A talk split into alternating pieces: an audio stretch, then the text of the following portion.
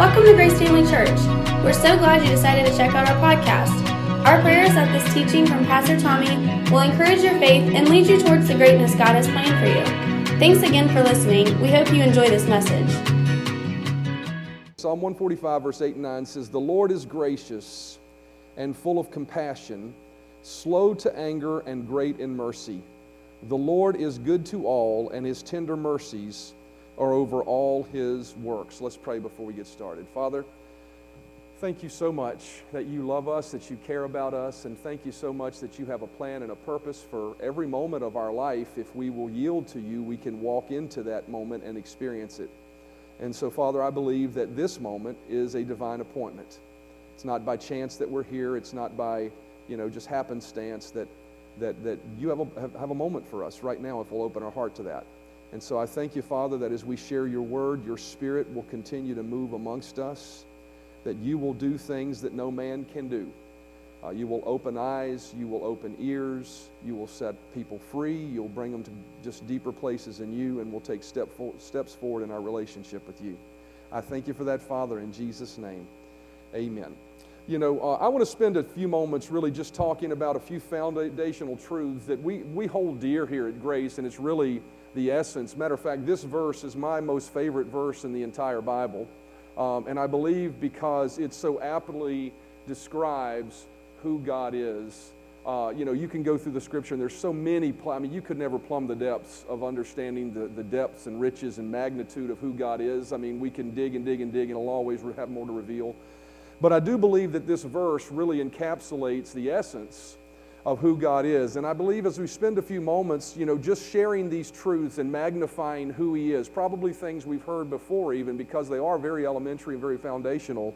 As we magnify Him, I believe that there is opportunity for God to do something in your life. As a matter of fact, as I was worshiping, I was reminded that as the children of Israel, they were, they were surrounded by the Moabites and the Ammonites and all the ites that were coming against them, right? And, and they were um, facing a battle that, that stood before them. As a matter of fact, as I thought about this, you know, they probably didn't have a picture of exactly what they were going to face. Um, they actually probably, uh, think about it for a minute, when you're arrayed against uh, an army, the army doesn't send you their battle plan, do they? And so I would say that, you know, the Ammonites and the Moabites and the Itesiites and all the different ites, right? I would say that they all had a plan, right? And they were working that, and the children of Israel didn't know what that plan was. They just knew they were in the middle of a battle, right? Uh, but in the midst of all of that, they were instructed to do something very simple. They were instructed to simply magnify God for who He was. And the scripture says there, it says, as they were, went out before the army and were saying, Praise the Lord for His mercy endures forever. And it says, Now when they began to sing and to praise, the Lord set ambushes against the people of Ammon, Moab, and Mount Seir, who were come against Judah, and they were defeated. So the Bible says that as they began to praise God, as they began to magnify Him for who He was, in spite, you know, they didn't have to know specifically what they were even planning to do. God just intervened and, and, and deliverance took place. And I believe that as we share these truths, which are very fundamental, I believe that if you will receive them into your heart, I believe there's the opportunity for the Lord to do something supernatural, things just to fall off of you right now. Things that you may have struggled with, things you may have carried your whole life long. Uh, I believe there's the opportunity for you as you receive this word for that, that very same thing to happen because what I'm simply doing is what they did. I am magnifying God for who He is. And I believe if you receive that, there's deliverance. And so if we notice in our opening text there, it says, you know, it says, let's just read it again. It says in uh, Psalm 145, verse 8, it says, The Lord is gracious and full of compassion, slow to anger and great in mercy. The Lord is good to all, and his tender mercies are over all his works. And in that verse, we see four qualities that I want to pull out this morning of who the Lord is. Number one, he's gracious. Everybody say he's gracious. Number two, he's merciful. Say he's merciful. Number three, he's compassionate. Everybody say he's compassionate. And last of all, it says he's good to all. Look at your neighbor and say he's good to me. And he's good to you too. Amen. And so I want to talk to first of you, first of all, to you about the fact that he is gracious.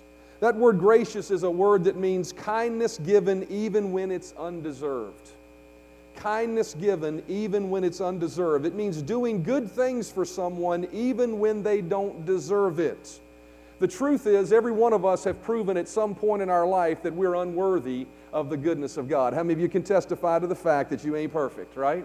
As a matter of fact, the Bible tells us in Romans 3:23, "For all have sinned and fall short of the glory of God." Each and every one of us have lived up to that verse. Some of us more than others, maybe, right? But we've all lived up to that verse. We've all sinned and we've all fallen short of God's glory. And so we're in a position where we have done things in our past. Maybe we've done things even this week. Maybe we've done things that we, we just have trouble shaking that leave us unworthy of receiving the goodness of God. But the nature of God compels Him, as our opening text tells us, to be gracious, to give to us anyway in spite of our shortcomings to give to us anyway, in spite of our undeserving uh, qualities that we may have. Unfortunately, you know, uh, uh, most people don't recognize that about God. They don't recognize that when they make a mistake, God, God's first response to our failures is, How can I help them? Not, I'm so angry with them. Unfortunately, most people believe that their first response from God is disapproval and anger, that He's waiting with lightning in His fingertips to just lash out at them the moment they make a mistake. As a matter of fact, the devil works overtime to try to remind us of our mistakes and cause us to fear that God is angry with us because of our shortcomings. But we see just the opposite of God in our opening text, and we also see it in, in, in his, his most gracious act of sending His Son. Romans chapter 5 and verse 8 says, But God demonstrates His own love toward us, in that while we were still sinners, Christ died for us. Even before we thought of turning ourselves toward God, God sent His Son for us. I don't know about you, but I'm thankful about that. How many of you are thankful God sent Jesus? What a gift and what a blessing for God to say to me, in spite of your short. I think about the times in my life when I was headed down paths that weren't even considering Him. Headed down paths where He was not even an afterthought in my mind. And yet, God said, in this moment in time, I'm going to send Jesus because not only everyone else needs Jesus and needs me in their life, but also because Tommy needs Him. I'm so grateful that He was gracious. And you know, the thing about God is His graciousness doesn't just stop at salvation. I think so many times that's what happens for most believers. Uh, they get saved and recognize, okay, I'm so unworthy of heaven. I'm so unworthy of my sins being forgiven. So I accept Jesus. He comes into my life and I'm forgiven. But then for some reason, as believers, we wind up losing sight of that grace. We wind up losing sight of the fact that, that God still loves us and is still gracious to us even after we've accepted Christ. Once we get saved, what happens for many people is they hop on the treadmill of religion and they start walking a path of trying to live up to some expectation. And although we should strive for holiness, although we should strive to be like Jesus, that becomes a standard in their life that they measure their, their acceptance with God by. But I got to tell you, as long as you live on this planet, it's going to be a journey of growing with God. It's going to be a journey of becoming more and more like Him. And there are going to be moments in time where we see the ugliness of who we are as human beings without, you know, as our flesh, you know, raises its ugly head. And yet, what winds up happening is, is because of our failures, because of mistakes, maybe you made one this week, we wind up feeling like all of a sudden we've fallen short and God is not gracious with us as He was the moment we were born again. The moment they, we fall short, we see ourselves as on God's naughty list, on His bad list. We struggle with understanding that the same grace that saved us is available to us today as His children. The very same grace that said, I don't care whether you're sinful or not. I don't care how vile you are. I am still going to be gracious to you. I am still going to bless you in spite of what you deserve.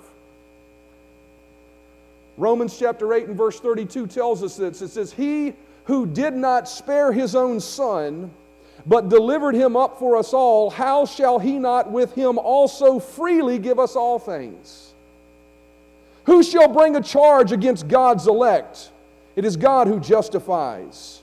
Who is he who condemns? It is Christ who died and is furthermore, and, and furthermore is also risen. Who is even at the right hand of God and also makes intercession for us. This verse says that God who delivered Jesus for us so that we can be saved, now that we're saved, how much more is he willing to bless us even now? When we were enemies of God, he was willing to give all of heaven to save us. Now that we're children of God, how, why would we think that He wants to give anything less? Why would we think all of a sudden that He's angry with us when we mess up? Why would we think all of a sudden He's drawing back from us when we make a mistake? Notice this verse stresses that if God gave His Son to us while we were sinners, then He ain't going to stop giving us grace now that we're sons and daughters. Verse 34 even goes on to say when we mess up, He's not withholding grace, He's giving it. Notice verse 34, it says, Who is he con- who condemns? It is Christ who died, and furthermore it is risen, who is even, notice this, at the right hand of God, who also makes intercession for us. That ma- makes intercession, that basically just means he's praying for you. He's praying for you and fighting for you when you make a mistake. He's not angry with you, looking at you through angry eyes.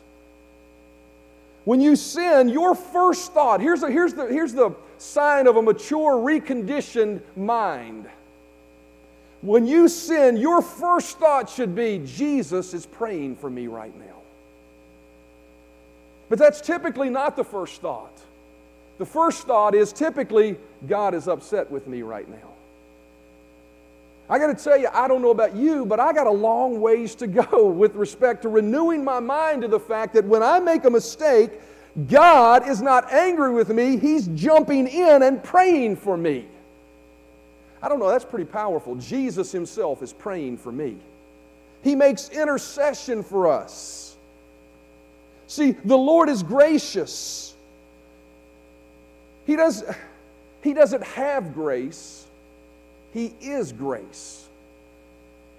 What that means is, is He oozes blessing when punishment is due.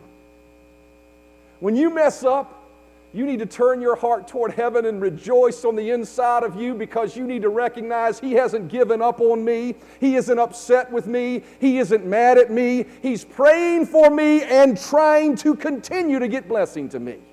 Can I get an amen this morning? It's okay to clap your hands and shout in church. But the goodness of God doesn't stop with just His grace. Psalm 145 goes on to say, The Lord is gracious and full of compassion, slow to anger, and great in mercy. Everybody say mercy. The Lord is good to all, and his tender mercies are over all his works. Notice not only is he gracious, but he's also merciful. Merciful. What is mercy? Mercy means withholding punishment when it's justified or due. As opposed to grace, which is giving goodness that is undeserved, what, what mercy does is withhold what we do deserve. Right? You ever had somebody do you wrong and you know what they deserve? Swift kick in the butt and a whop upside the head, right? But mercy withholds that. Mercy withholds judgment when punishment is actually due. Romans 6:23 says the wages of sin is death. But the gift of God is eternal life in Christ Jesus our Lord. The last part of that verse is grace. But the first part of that verse talks about the punishment that is due for sin. It says the wages of sin is death. Now, how many of you ever sinned before and not died immediately, physically? So he's not talking about physical death, although physical death is a result of spiritual death. Matter of fact, just a little bit of Bible uh, uh, uh, for you in Genesis, you know, when Jesus, uh, when, when, God, or when God told Adam and Eve, he said, For in the day that you eat that fruit thereof, you shall surely die. Everybody say, surely die. He actually said, You shall die, die. If you look in the Hebrew, it's the same word. In sinning, he said, You will die, and in dying, you will die. In dying, he says, when you sin, you will separate yourself from God, and in separating yourself from God, what will follow is physical death. And we see that happen. See, when the Bible talks about the wages of sin is death, it's not talking about physical death, although that's a result of spiritual death. What he's talking about is, is when you sin, he says the wages of sin is separation from God.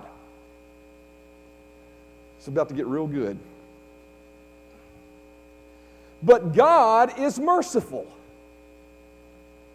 He withholds punishment when punishment is due. The wages of sin is separation from God, but God withholds separation from God when you've accepted Christ as your Savior. He doesn't remove Himself from you when you sin. For He has said, I will never leave you and I will never forsake you. Psalm 103 and verse 10 says, He has not dealt with us according to our sins, nor punished us according to our iniquities. For as high as the heavens are above the earth, so great is His mercy toward those who fear Him. Notice that God doesn't give us what we deserve when we sin, He withholds judgment. He is merciful. When sin's wages come calling, you need to understand something. When sin's wages come calling, it is never God meting out judgment while you're walking on this side of heaven. There will come a day, because the Bible does call God the judge of all the earth, and there will come a day when believers stand before God, Jesus, the, the throne of Christ, and they give judgment for their life, and there'll be a day when unbelievers stand before the great white throne, and they're judged on whether they've accepted Christ or not. That day of judgment is withheld. And I promise you, that day of judgment, because the nature of God is grace and mercy, will be a sad, mournful, sorrowful day for our God to have to dish it out. It won't be a happy day. But the reality is, on this side of heaven, God is not in the business of judging us.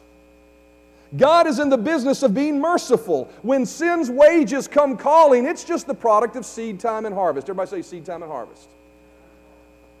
Galatians chapter 6 and verse 1. I want you, I want you to read these verses in context. I'm going to read 1 and 2, 7 and 8. You can read the middle verses on your, during your Bible study this week. It all leads into this. But in summary, this verse says in verse 1 it says, Brethren, if a man is overtaken in a trespass, you who are spiritual, restore such a one in a spirit of gentleness, considering yourself, lest you also be tempted. Bear one another's burdens and so fulfill the law of Christ. And let me stop there for a moment. What does God instruct us to do when a person sins? What does He instruct us to do? Does He instruct us to castigate them and cast them out? That's not what this verse says, right? Does He instruct us to point the finger at them and judge them and tell them how bad and unworthy they are?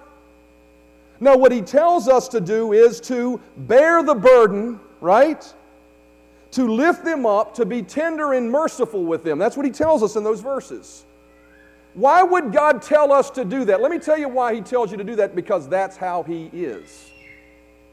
That is who he is and that's how he is. Verse 7 goes on to say, Do not be deceived.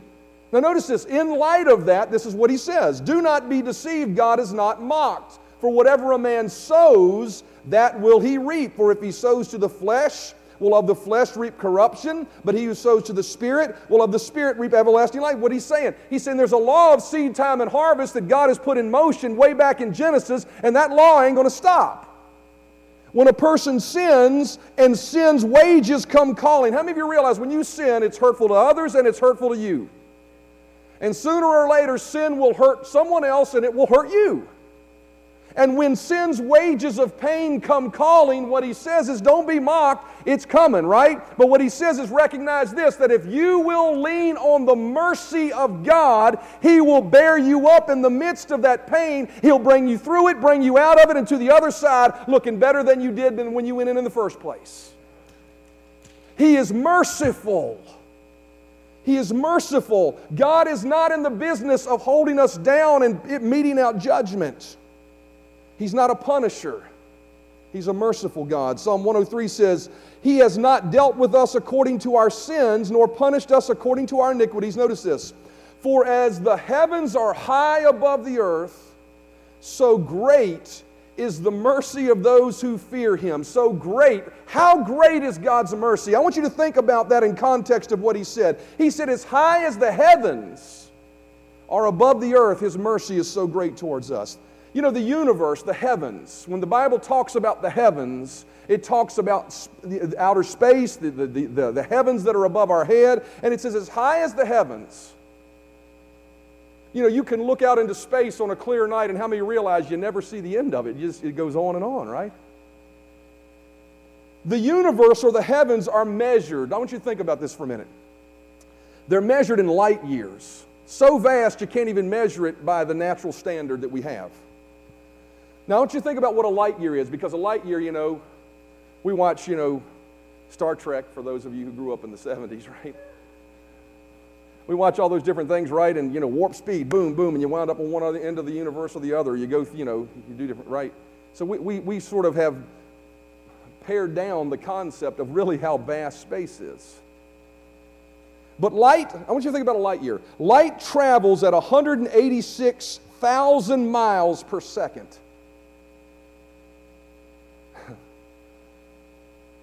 That, that's just crazy. Think about how many times in a second light would wrap around the earth when it just boom. 186,000 miles per second. Now think about that in these terms. That is 11.16 million miles per hour. You know, we go 65 miles an hour. Some of us that are lean on grace a little more than others maybe go a little faster than that, right? but this is 11.16 million miles per hour. That's 267.84 million miles per day.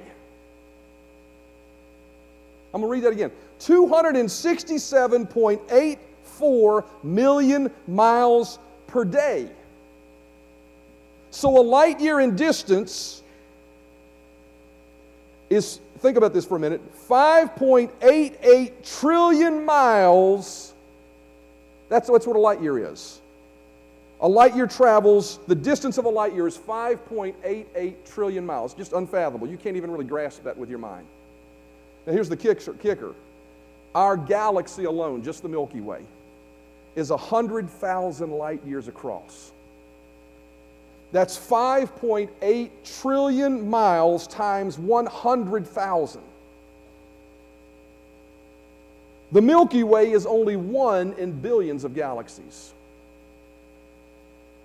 And God's mercy is so great that it's compared to that vastness. Your multiple screw ups will not exhaust the mercy of God.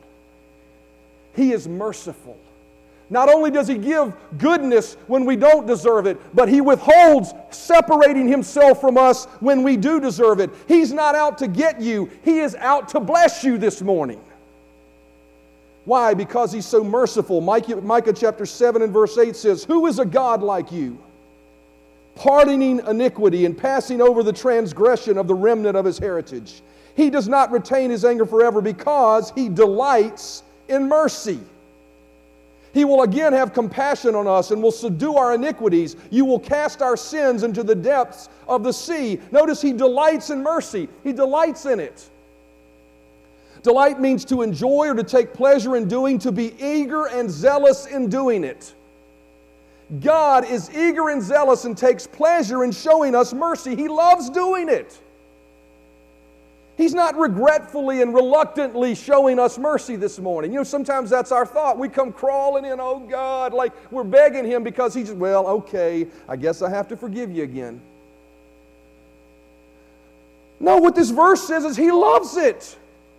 He's looking around every corner and every opportunity to say, hey, let's just brush that aside because I want to help you.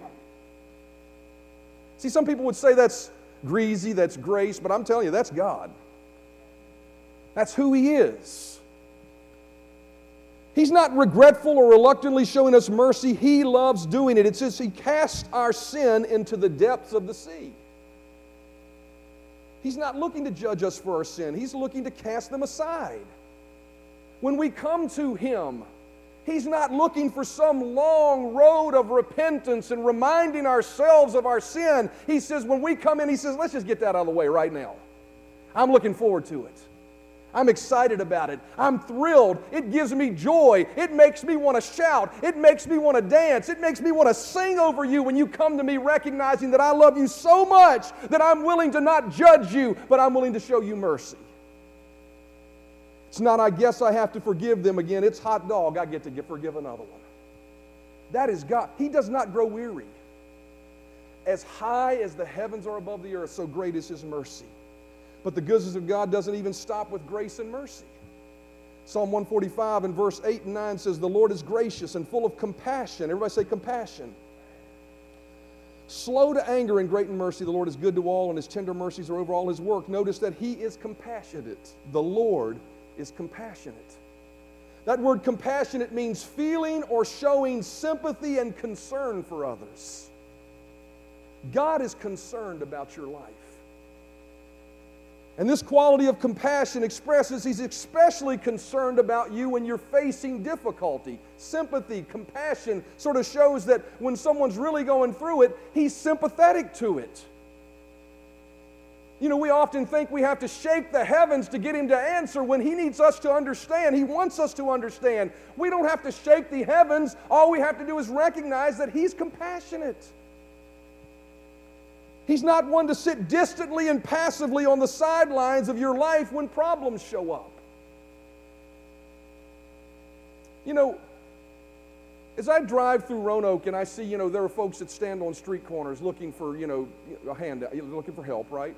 Uh, and, and, and I don't know their um, history, right? So I'm careful that, you know, that's typically, unless the Lord really emphatically tells me, that's typically not where I give. Because, why? Because I don't know them. And I don't know what they're wanting to do with that money. But here's the illustration I want to get for you.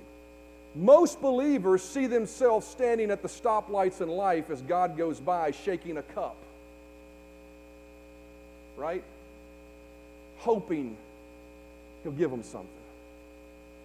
But God is not that driver that just drives by and is afraid to look at them for fear that he might have to be compassionate, right?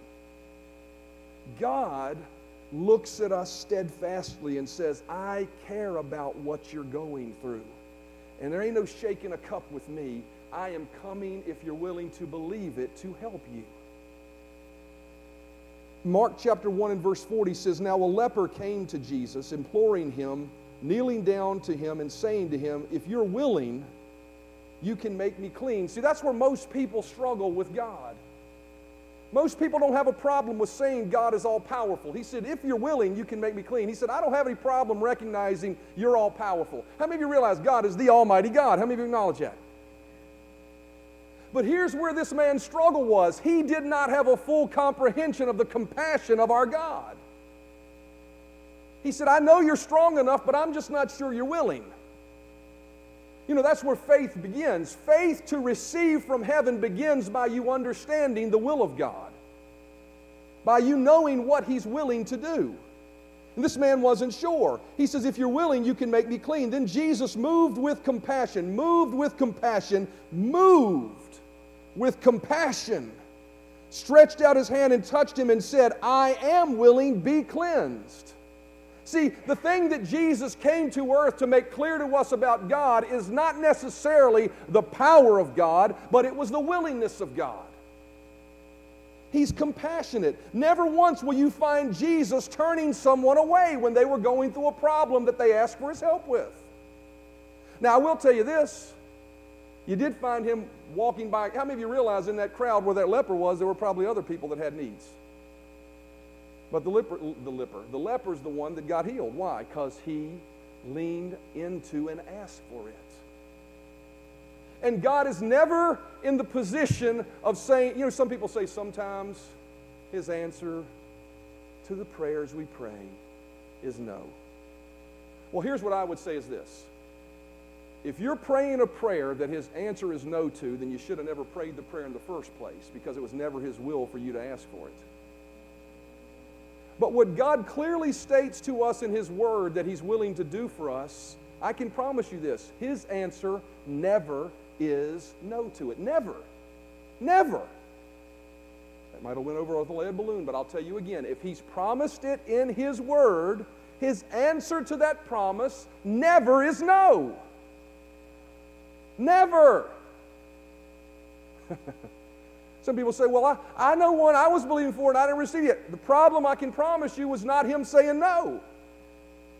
You go through the Gospels, go through the Gospels. Every time someone didn't receive, I'm going to tell you something. Jesus didn't mince word and he wasn't upset, worried about uh, hurting somebody's feelings.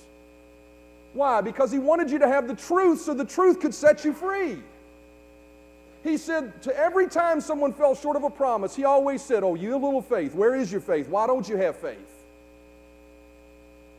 The reason we don't receive is never because a promise God has given is not because God says no, it's, it's a matter of faith.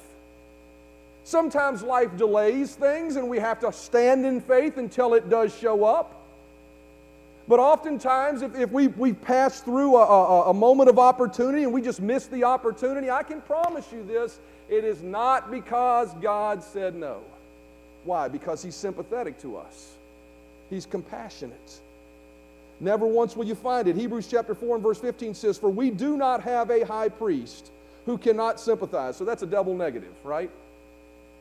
We do not have a high priest who cannot sympathize. So that says we do have a high priest who can sympathize, right? With our weaknesses, but was in all points tempted as we are, yet without sin. So he says, Look, you need to understand something about Jesus. He is sympathetic to your problems, and because he's sympathetic to your problems, notice what he says Let us come therefore boldly to the throne of grace, that we may obtain mercy and find grace to help in a time of need. That we may find what? that we may have undes- we may find grace, undeserved favors when we don't deserve them, right? And mercy, which is withholdment of him separating himself for us. He said, if you want, if you want a blessing that you don't deserve, right? And you don't want him to forsake you and leave you when you do deserve it, then just come with confidence to him that I've got a Savior who's compassionate. See, He's merciful, He's gracious, and He's compassionate. His compassion should give us a, a, a, a, confidence to expect, yes, I will, when we come looking for help. See, God is compassionate. I don't care what you need this morning. If it's a promise, you say, what do you mean if it's a promise? Well, it could be specific, but think about this, the generalities of what we, we, we just went through a series on redemption and what, what He brought to us, right? What did He bring to us? He brought us spiritual, mental, physical, financial deliverance. He brought us a relationship spiritually where we're right with God. If you want to be right with God, He's not withholding, He's compassionate. He comes running. If you want men to be set free mentally, you know, there's some people who struggle with, with mental problems. You know, we had a, someone in our church recently who was going through a PTSD situation, and I was preaching on this, and God set them free in an instant. They came to me after the service in tears and talked about how God helped them. See, uh, God in a moment, in an instant, can change things mentally if you struggle with things. I'm telling you right now, if you ask for it, He's not withholding it. He's sympathetic and He's gracious and merciful and willing to grant it, even this morning. Physically, He's promised us physical redemption, redeemed from the curse of the law, redeemed from sickness and disease. We are, we are delivered from that, and He is not withholding uh, healing from anyone and financially. If you're going through it financially, I'm telling you right now, God is sympathetic to your situation. And He is working, I always say it this way He is working behind the scenes if you'll just trust Him and not nullify what He's doing by saying negative things against what He's doing, right? But if you'll just align yourself with when you're facing those problems to do what those people did that I read about in 2 Corinthians, lift your hand and just say, The Lord is merciful and gracious. He'll go behind the scenes and do what you can't do. Amen. We have a compassionate Lord who's compelled. It says he was moved and stretched forth his hand. He is compelled. His compassion forces him to move towards us if we'll simply extend our hope and trust and faith in him. But the goodness of God doesn't even stop with mercy, grace, and compassion. Go back and look at that verse. It says, The Lord is gracious and full of compassion, slow to anger, and of great mercy. The Lord is good to all.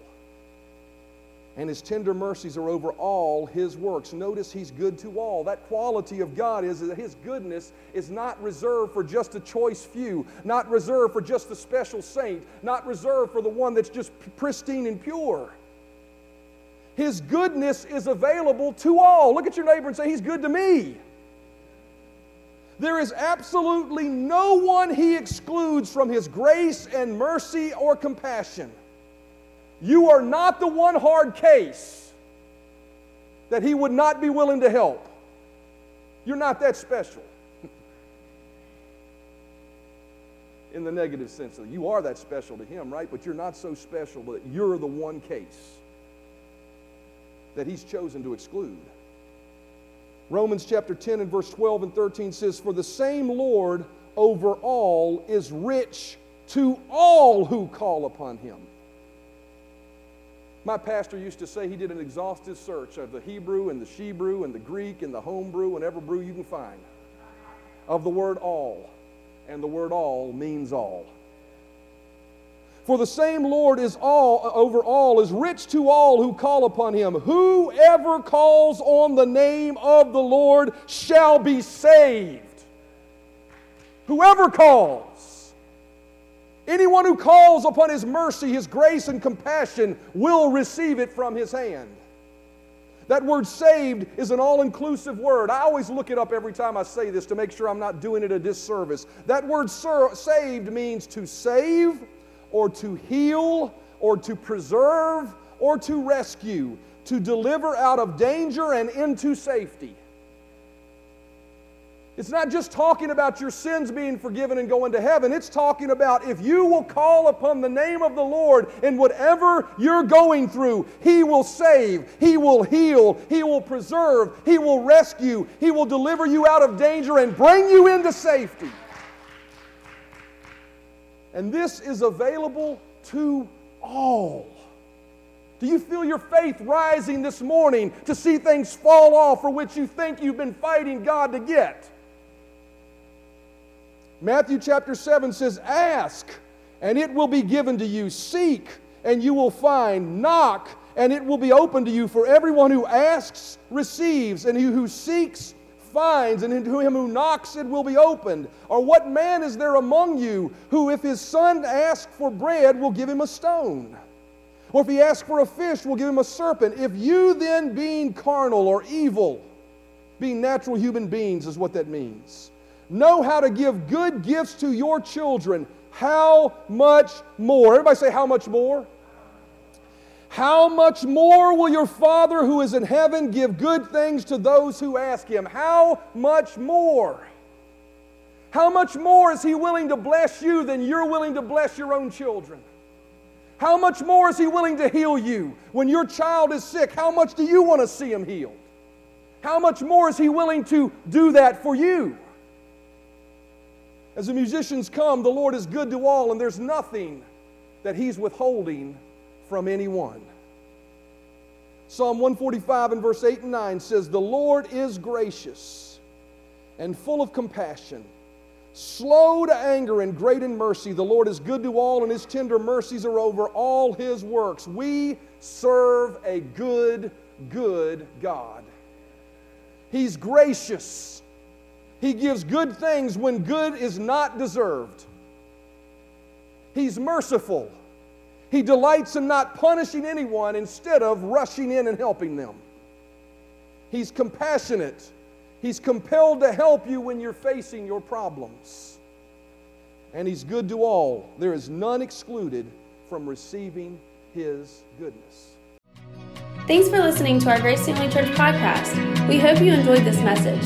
If this ministry has blessed you in any way, we would love for you to get connected. Just go to gfcva.info for more information about who we are, how to give to this ministry, or how you can get involved. Thanks again for listening, and we hope to see you soon.